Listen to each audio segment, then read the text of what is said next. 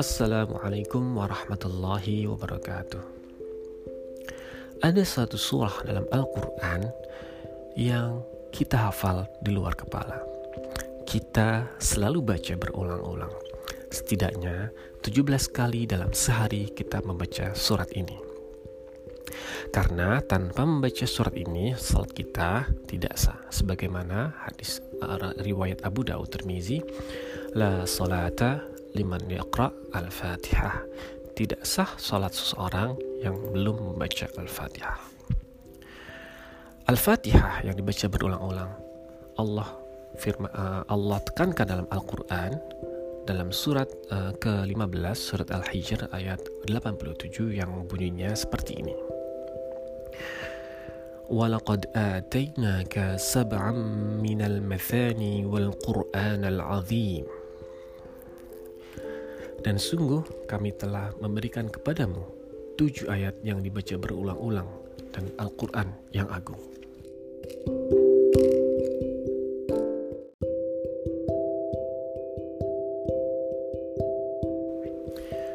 Al-Fatihah memiliki makna yang begitu dalam sampai-sampai Allah tekankan as-sab'al al-mathani tujuh ayat yang dibaca berulang-ulang.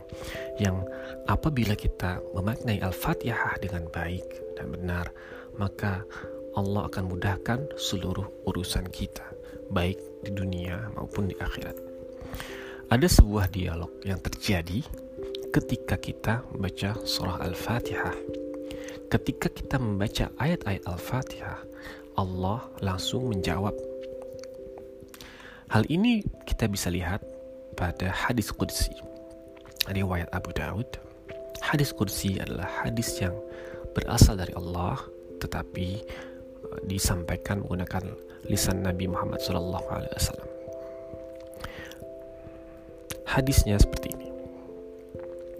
قال الله تعالى قسمت الصلاة بيني وبين عبدي نصفين ولعبدي ما سأل فإذا قال العبد الحمد لله رب العالمين قال الله تعالى حمدني عبدي وإذا قال الرحمن الرحيم قال الله تعالى أثنى علي عبدي وإذا قال مالك يوم الدين قال مجدني عبدي وإذا قال إياك نعبد وإياك نستعين قال هذا بيني وبين عبدي ولعبدي ما سأل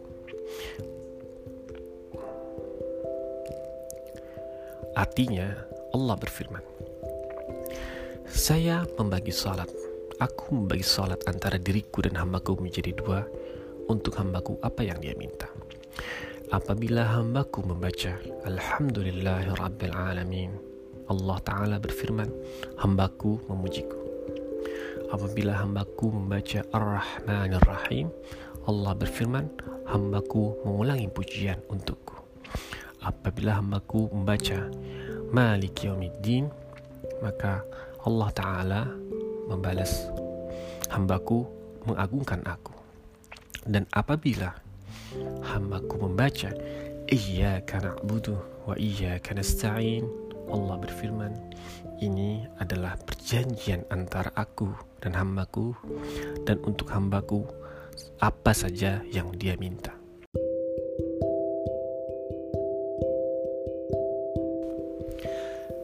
Dalam dialog ini, Allah Subhanahu wa taala, Tuhan semesta alam, Rabbul alamin yang berkuasa atas segala sesuatu yang ada di dunia, berkata bahwa Allah berjanji akan memenuhi apa saja yang hambanya minta. Artinya apa pun yang mau kita mintakan kepada Allah, Allah langsung kabulkan.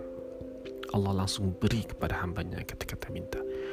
Mau minta baik hal duniawi, hal akhirat, Allah akan berikan karena Allah berkuasa atas segala sesuatu. Mau minta kepada Allah untuk memudahkan kehidupan kita, melampaukan rezeki kita, menyelesaikan permasalahan-permasalahan kita, permasalahan pekerjaan, dalam keluarga, dalam apa pun itu, Allah langsung kabulkan.